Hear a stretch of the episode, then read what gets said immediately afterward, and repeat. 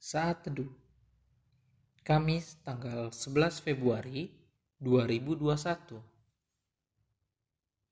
Ayo ikut bersuka cita. Lukas 15 ayat 32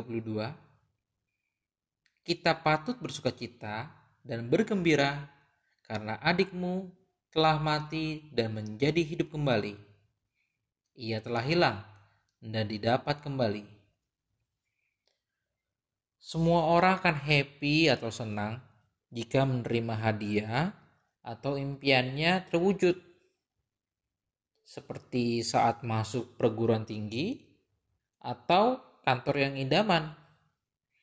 Atau mungkin saat omset sedang meningkat.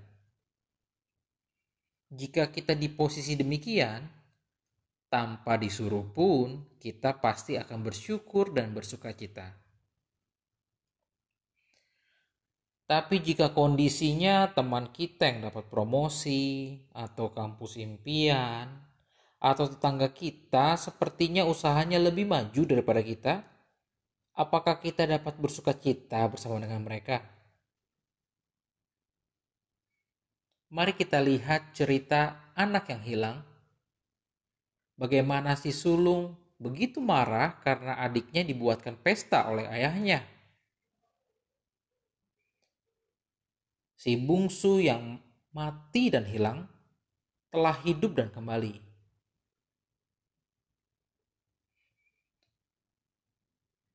Kesuksesan si bungsu bukan karena dia dipestakan oleh ayahnya, tapi dia telah memperoleh hidupnya kembali. Dia memperoleh lagi statusnya sebagai anak. Sedangkan kesuksesan si sulung, dia berhasil tetap melayani ayahnya. Hingga sang ayah berkata kepadanya bahwa semua kepunyaannya adalah miliknya. Setiap orang punya kesuksesan masing-masing. Jadi tidak perlu kita merasa iri dengan keberhasilan orang lain.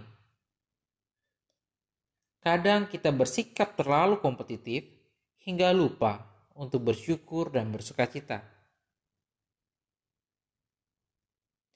Mengucap syukurlah dalam segala hal, sebab itulah yang dikendaki Allah di dalam Kristus Yesus bagi kamu.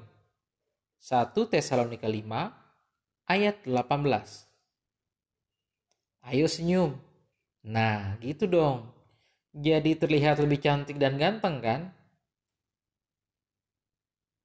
Selamat menjalani hari yang baru. Tuhan Yesus memberkati. Shalom.